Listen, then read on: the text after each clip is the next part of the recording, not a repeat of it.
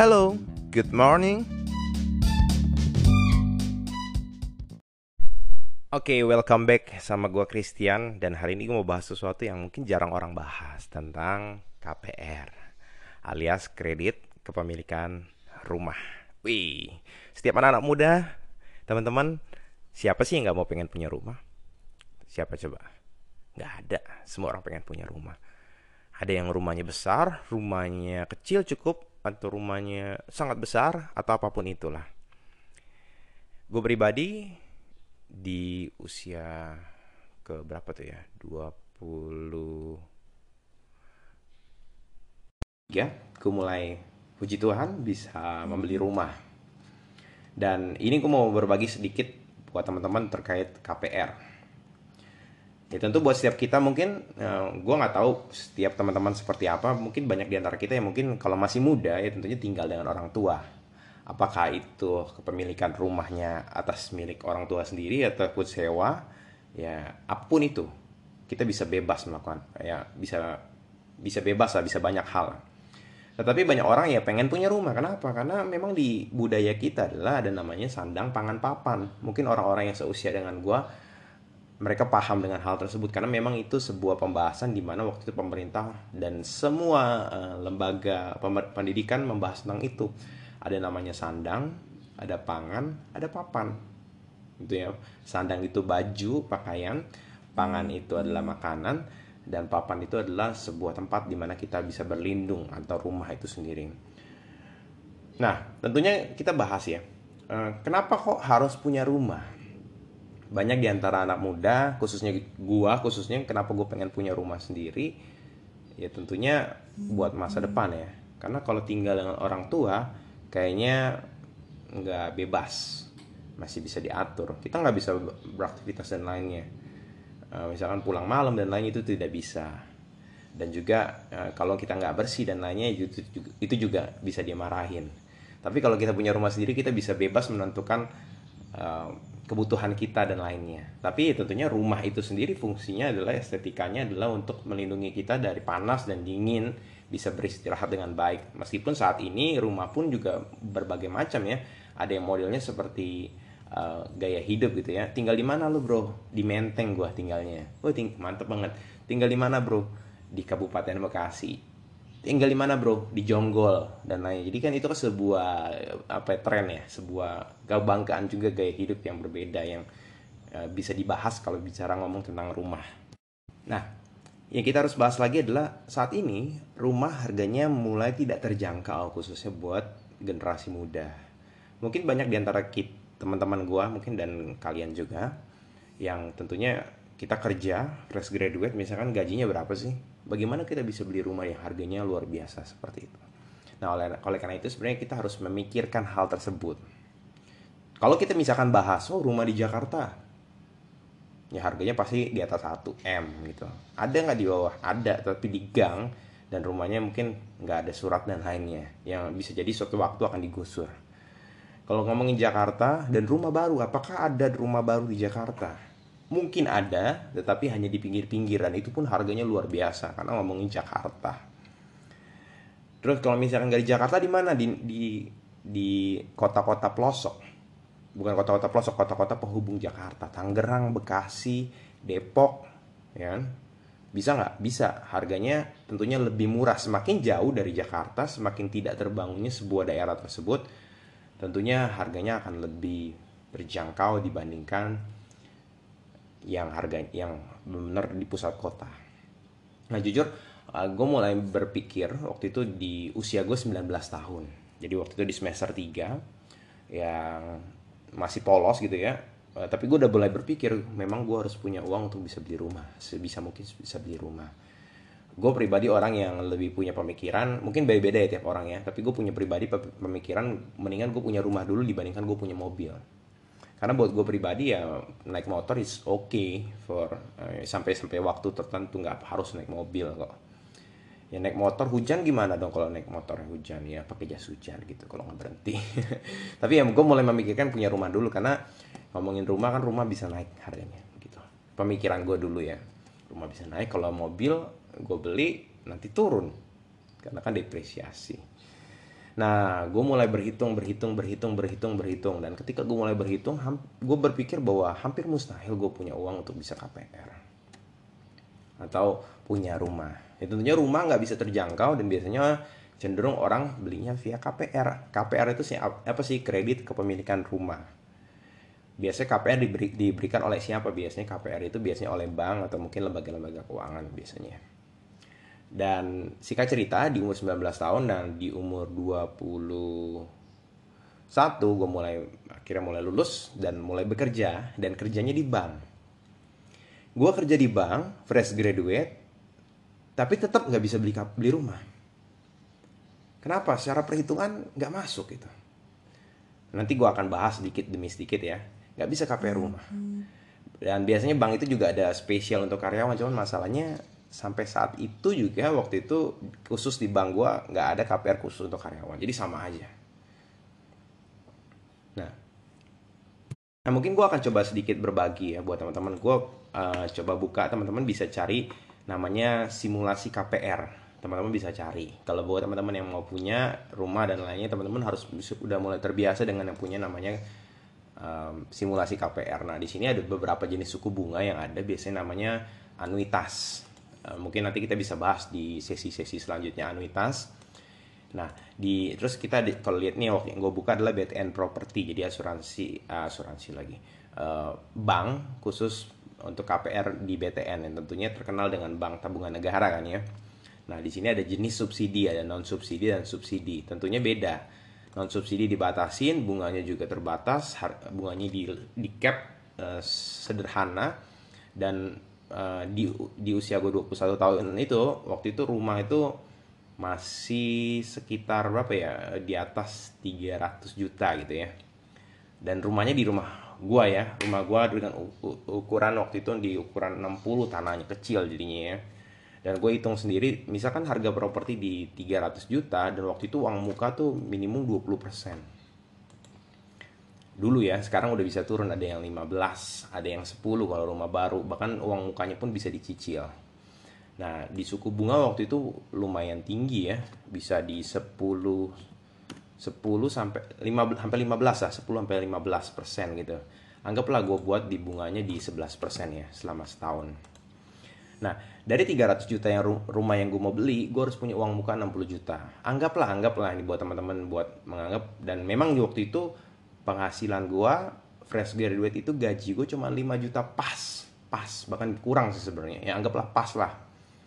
Gue berpikir uh, untuk dapat uang muka aja 5 juta gue harus nyimpan uang gue selama satu tahun nggak bisa gue pakai-pakai.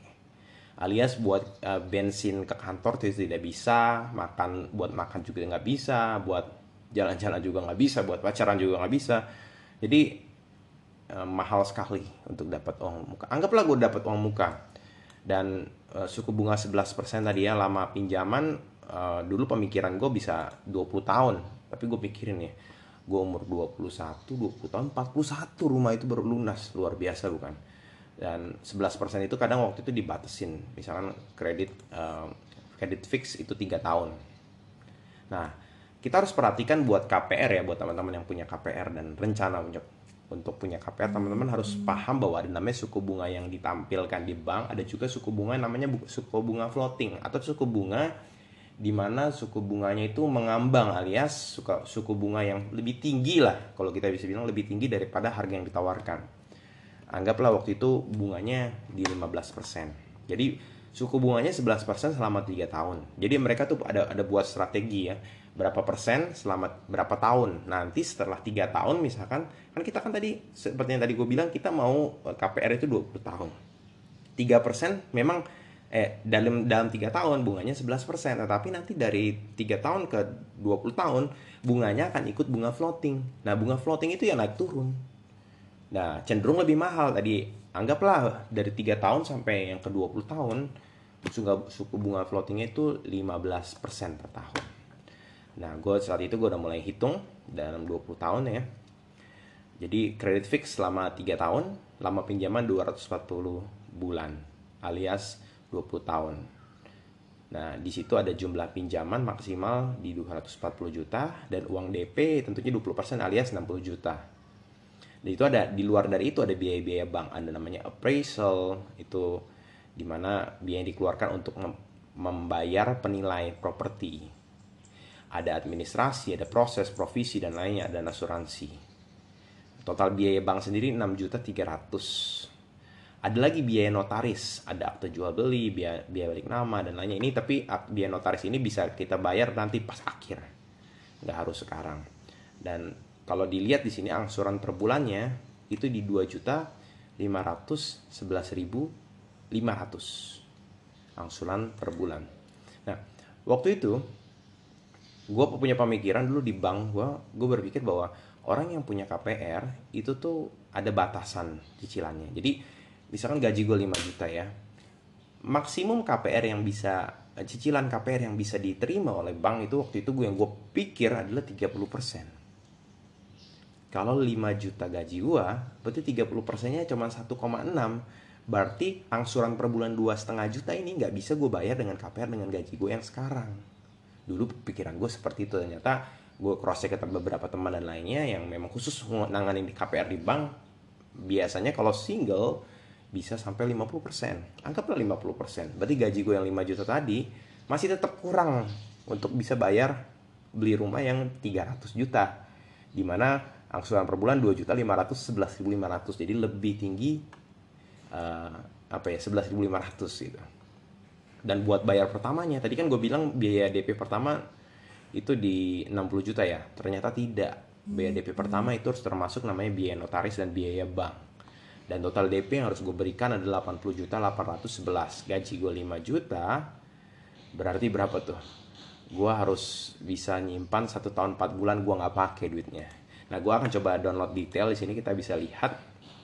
Nah angka-angka yang akan keluar di sini oke okay? nah benar um, dari bulan 1 sampai bulan 36 cicilan yang dibayar itu 2.511.500 dengan ya, bunga 11% tadi ya. Tapi mulai masuk ke bulan ke 37 atau setelah 3 tahun, cicilan yang harus gue bayar dari 2.511 itu menjadi 3.135. Nah, itu yang menjadi hal yang paling mengerikan buat setiap orang yang punya KPR. Tinggi, tiba-tiba naik, sedangkan belum tentu kenaikan gaji kita naik. Nah, di sini kalau kita lihat ya ada simulasi KPR-nya, dari pinjaman porsi pokok dan porsi bunga dari angsuran yang kita bayarin 2.500 tadi teman-teman tahu nggak biaya pokok atau biaya yang kita bayar buat hutangnya sendiri? Itu kita cicil tuh cuma 300 ribu 311.500 untuk setiap bulannya. Tapi porsi bunganya 2.200 bayangin deh porsi bunganya beberapa kali lipat hampir tujuh kali lipat daripada pokoknya nah kurang lebih seperti itu ya ini gue kasih gambaran buat teman-teman sisa pokok, porsi, angsuran dan lainnya. Jadi uh, saat ini buat teman-teman yang single yang benar-benar cuma membiayai hidupnya sendiri, teman-teman bisa dapat KPR 50% dari gaji cicilan per bulannya. Teman-teman bisa menyesuaikan dengan kebutuhan teman-teman. Tapi kalau misalkan teman-teman membiayai keluarga, menjadi tulang punggung keluarga, tentunya berbeda. Teman-teman yang menikah itu tentunya berbeda. Angka berbeda menikah, Eh, penghasilan bisa dua atau cuma bisa sendiri tetapi satu orang manusianya dihitung pengeluarannya itu pokoknya itu kalau nggak salah 3 jutaan minimum standarnya jadi kalau ada tiga anak dan satu istri dan teman-teman penghasilan sendiri yang pasti gajinya teman-teman tuh harus dikurangi dengan 1, 2, 3, 4, 12 juta gitu. Harus, harus dikurangi dengan 3, 9 juta. Dan lain-lainnya. Itu perhitungan tiap bank biasanya ada sedikit berbeda. Nah tapi teman-teman bisa perhatikan hal tersebut. Dan uh, gua pribadi jujur karena dulu berpikir seperti itu kayaknya gue nggak berpikir aduh gimana nih punya rumah? Gimana nih punya rumah? Gimana nih punya rumah? Dan sekarang kalau kita ngomongin rumah harga sekarang 300 juta lu mau dapat rumah apa mau dapat rumah apa? Rusun DP 0% aja itu ratusan juta sampai miliaran. Gimana kita mau dapat rumah? Nah sebagai anak yang umur 19 tahun gue mulai berpikir punya rumah dan gue mulai berpikir gue mulai berhitung berhitung dan lainnya dan perhitungan gue hampir mustahil punya rumah. Karena perhitungan gue kalau gue mau punya rumah 5 tahun lagi dan lainnya gue harus punya gaji itu sekian jadi lucu ya kerja di bank yang terbiasa dengan keuangan nggak bisa punya KPR rumah. Dan kalau ngomongin lagi rumah waktu itu yang ketika gue mau menikah uh, gue mulai mencari rumah rumah tuh banyak jenis. Kebetulan rumah gue gue tinggal di daerah Bekasi. Ada beberapa rumah jenis. Ada rumah yang biasa rumah lama rumah second. Tentunya rumah second biaya bunganya lebih besar dibandingkan rumah yang baru ya. Nah, ada lagi rumah subsidi jadi pemerintah memang menyediakan rumah-rumah yang sederhana yang dibatasin uh, kalau nggak salah 150 juta ya rumahnya harganya tapi tanahnya kecil daerahnya jauh sekali dan lainnya ada juga yang rumah pinggiran kawasan kota, klaster, ada juga yang uh, rumahnya banjir atau tidak dan lainnya itu yang menjadi pertimbangan kita semuanya sebenarnya. Apalagi kalau kita udah ngomong di kawasan kota, daerahnya dekat-dekat dengan ke mana aja, biasa harganya luar biasa makin naik. Dan gue keliling-keliling, nggak uh, ketemu-temu sampai nggak ketemu karena harganya, harganya mahal sekali gitu ya. Yang bagus tentunya ada, teman harganya dan gue pikir nggak nggak mungkin bisa deh untuk dapat Eh, rumah yang seperti itu. Hasil ya gue mulai mencari mencari mencari sampai di satu titik gue mencoba mencari rumah yang second aja. Rumah yang second yang nanti gue bisa renovasi uh, eh, gue beli nggak jauh dari rumah gue dan biasanya itu kecenderungan manusia ya. Uh, kita nggak akan beli rumah yang nggak terlalu yang terlalu jauh dari keluarga biasanya. Karena ya pikir nanti kalau misalkan keluarga bisa bantuin lainnya ya, apa pun itulah. Banyak banyak hal lah banyak cerita lah.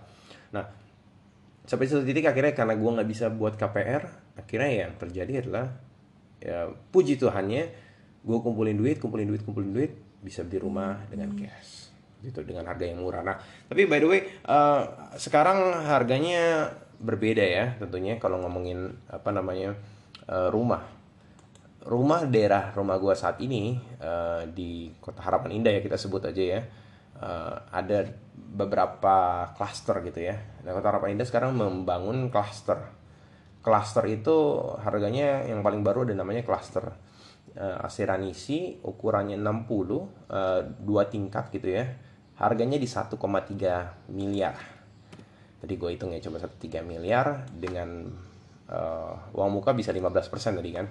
Seperti yang tadi perhitungan kita kan. Bisa 15%, lalu selanjutnya Nah, bunga tentunya berbeda ya. Bunga banyak yang promo, uh, setahu gue lihat di salah satu bank itu bisa 6% atau 5,88, 4,88 atau bahasanya ya anggaplah kita tulis 6% selama fix 3 tahun. Oke. Okay? Karena bunga semakin lama semakin menurun saat ini. Jadi bunganya di ya, anggaplah 6,88% lama pinjaman tetap 20 tahun. Credit fix 3 tahun tadi ya. Bunga floatingnya bisa turun, mungkin bisa di 11 10% lah ya kita mulai coba hitung. Oke. Okay?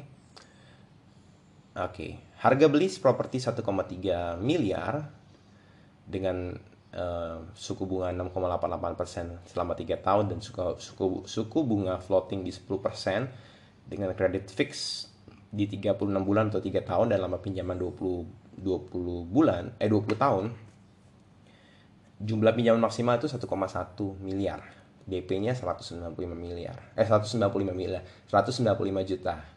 Dan ada biaya-biaya lain dan lain-lainnya. Tahu nggak teman-teman angsuran per bulannya berapa? Angsuran per bulan itu 8,611 100. Jadi itu yang harus kita perhatikan. Berarti kalau misalkan gue single, gue harus punya gaji 17 juta. 17 juta berarti gajinya harus level apa itu? dan jangan mikir cuman kayak gitu ah gue cukup ah dengan bayar angsuran segini gue cukup bisa bayar lah jangan pikirin cuman kayak gitu pikirin juga ke depannya 20 tahun ke depan teman-teman akan menikah teman-teman punya anak biaya anaknya itu berapa. Kalau kita nggak perhitungkan dengan hal tersebut kita bisa gampang sekali dengan beli barang sesuatu. Apakah di dalam 20 tahun ke depan apakah ada krisis covid seperti ini? Atau krisis yang lebih berat? Bagaimana nanti apakah kerjaan kita tetap akan ada? Apakah ada hal-hal yang lain? Dan itu yang mesti kita pikirkan. Kenapa ketika kita sudah membeli KPR atau rumah yang cukup mahal seperti ini kita nggak punya pilihan lagi untuk memilih rumah yang lain atau memilih opportunity opportunity yang kita bisa lakukan. Makanya banyak orang ini ada namanya bahasanya red race gitu ya. Apa uh, race-nya tikus gitu. Bolak balik itu bayar utang bayar utang bayar utang dan lainnya. Alhasil di situ aja terus nggak bisa lakukan sesuatu. Dan pembayaran pertama 282 juta.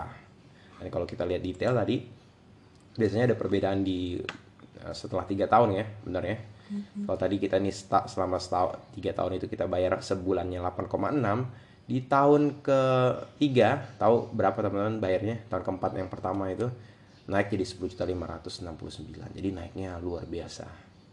Itu yang mesti kita perhatikan. Jadi kalau kita total-total sebenarnya um, bunga yang kita bayar dan pokok yang kita bayar itu saya coba hitung ya uh, pokoknya berapa uh, selama 20 tahun itu pokok yang kita bayar itu berapa banyak? Harusnya sih sama ya 1,3 tadi ya. Atau ya total pinjaman itu 1,1 kalau nggak salah tadi.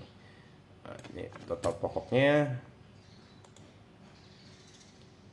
wah nggak kehitung hitungannya ya sekitar segitu. Bunganya berapa? Bunganya biasanya karena kita hitungnya 10% 20 tahun bisa dua kalinya jadi itu yang mesti kita perhatikan sebenarnya teman-teman. Kalau ngomongin KPR buat gue pribadi eh, kita harus memperhitungkan juga. Kan ada orang ngomong ah, KPR kan nanti kan uh, harga rumahnya naik.